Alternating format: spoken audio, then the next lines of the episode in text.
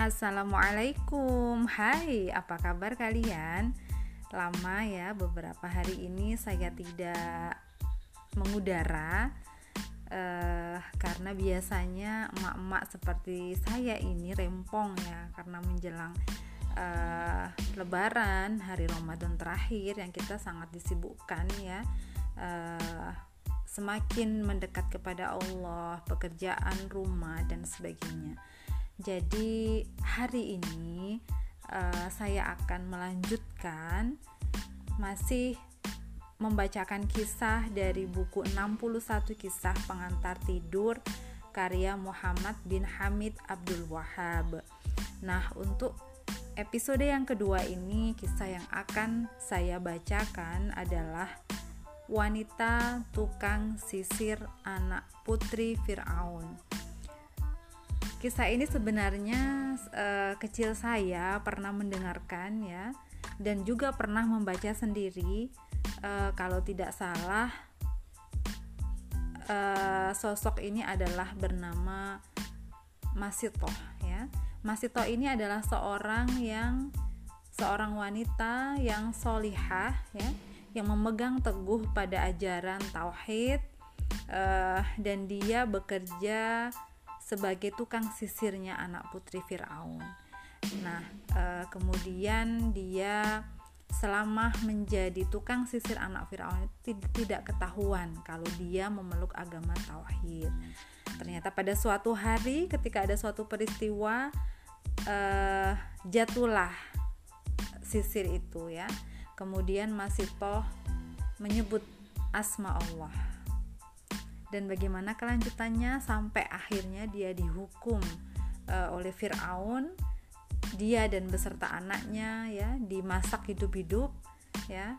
Dan subhanallah ya akidah mereka tetap fikoh kepada uh, agama tauhid. Bagaimana prosesnya ya? Uh, silakan disimak saya akan bacakan episode yang kedua dengan judul Wanita Tukang Sisir Anak Putri Fir'aun.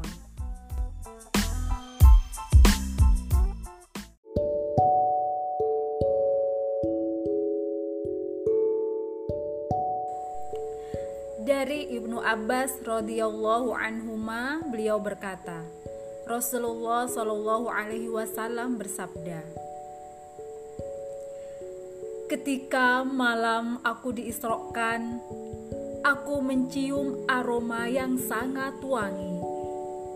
Aku bertanya, "Wahai Jibril, wangi apa ini?" Jibril menjawab, "Ini adalah wangi tukang sisir anak perempuan Firaun dan anak-anaknya." Bertanya, "Bagaimana bisa demikian?" Jibril menjawab, "Ketika ia sedang menyisir rambut anak putri Firaun, tiba-tiba sisirnya terjatuh dari tangannya. Maka dia mengucapkan, 'Bismillah.'" Anak putri Fir'aun berkata, Hai, dengan nama bapakku. Wanita tukang sisir menjawab, Tidak, akan tetapi Tuhanku dan Tuhanmu, demikian juga Tuhan ayahmu adalah Allah. Anak putri Fir'aun bertanya, kalau begitu, kamu punya Tuhan selain ayahku.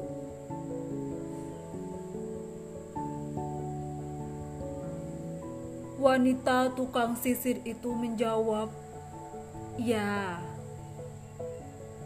Anak putri Firaun berkata, "Akan aku laporkan pada ayahku." Wanita tukang sisir menjawab, silahkan. Kemudian anak putri Fir'aun memberitahukan kejadian ini kepada ayahnya. dan akhirnya Firaun memanggilnya. Firaun bertanya, "Hai Fulana, betulkah kamu mempunyai Tuhan selain aku?"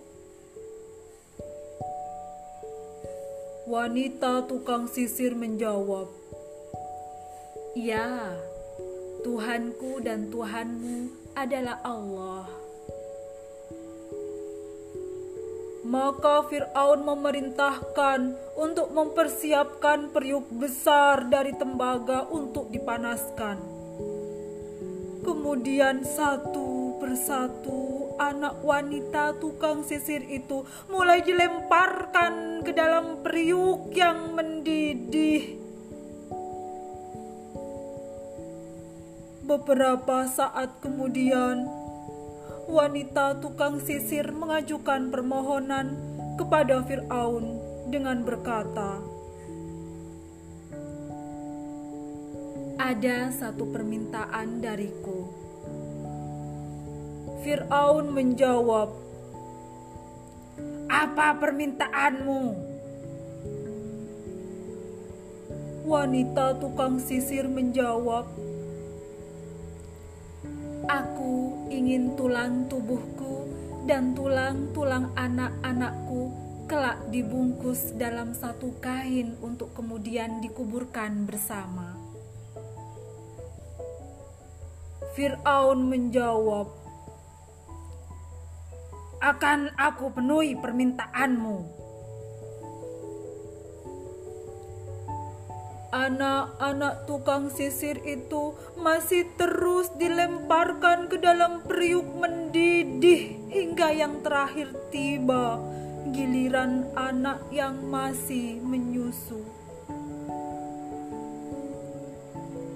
Pada saat itu, wanita tukang sisir nampak ragu-ragu. Tetapi tiba-tiba bayi yang masih menyusu itu berkata, "Wahai ibuku, ceburkan diri ibu ke dalam periuk yang mendidih itu, karena sesungguhnya siksa dunia ini jauh lebih ringan dibanding siksa akhirat."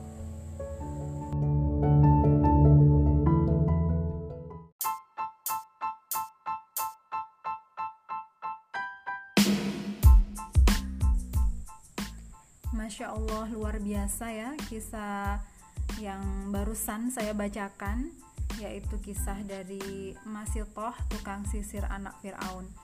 Yang bisa dipetik e, minimal ada dua ya e, para sahabat sekalian. Yang pertama adalah e, kesabaran dalam menghadapi ujian ya dan ridho terhadap kolbo jadi teringat ya sebuah ayat dalam Quran surah Al-Baqarah ayat 214 yang artinya Apakah kamu mengira bahwa kamu akan masuk surga padahal belum datang kepadamu cobaan sebagaimana halnya orang-orang terdahulu sebelum kamu mereka ditimpa oleh malapetaka dan kesengsaraan serta digoncangkan dengan berbagai macam cobaan sehingga berkatalah Rasul dan orang-orang yang beriman bersamanya Bilakah datangnya pertolongan Allah? Ingatlah, sesungguhnya pertolongan Allah itu amat dekat.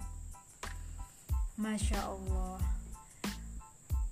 sabar dalam agama kita itu sangat luar biasa ya.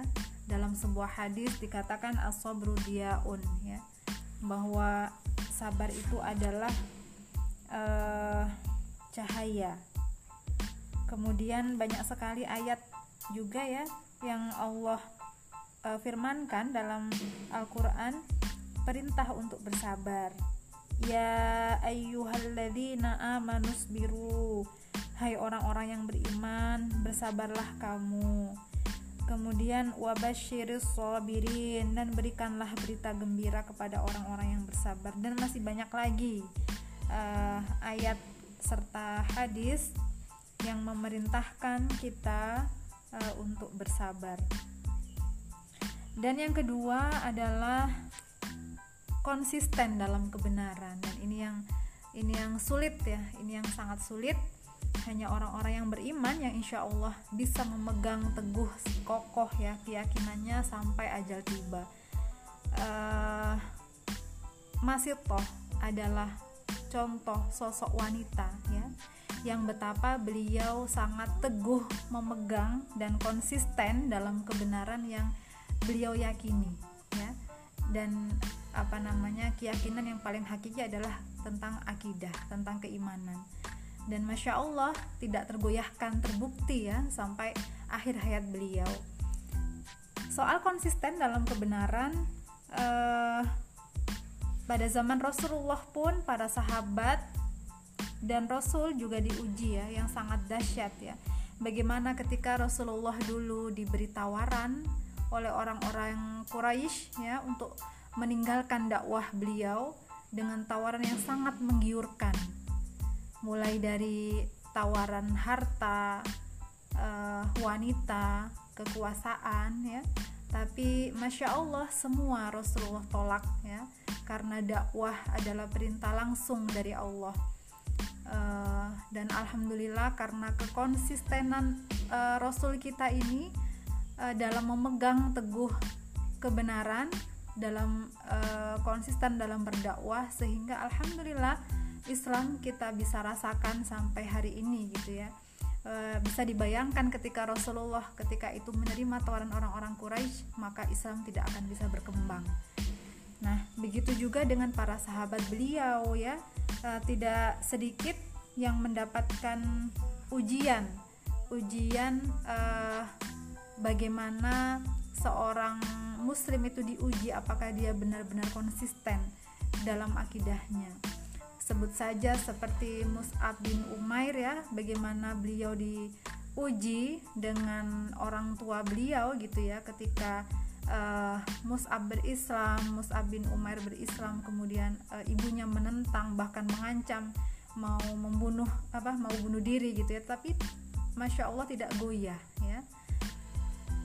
Uh, tidak hanya itu berupa siksaan juga diterima oleh keluarga Yasir ya sampai sampai uh, apa namanya mujahidah syahidah pertama ya uh, seorang muslimah yaitu Sumayyah yang beliau disiksa begitu kejinya ya dengan tombak dari kepala sampai tembus uh, ke apa namanya ujung badan beliau.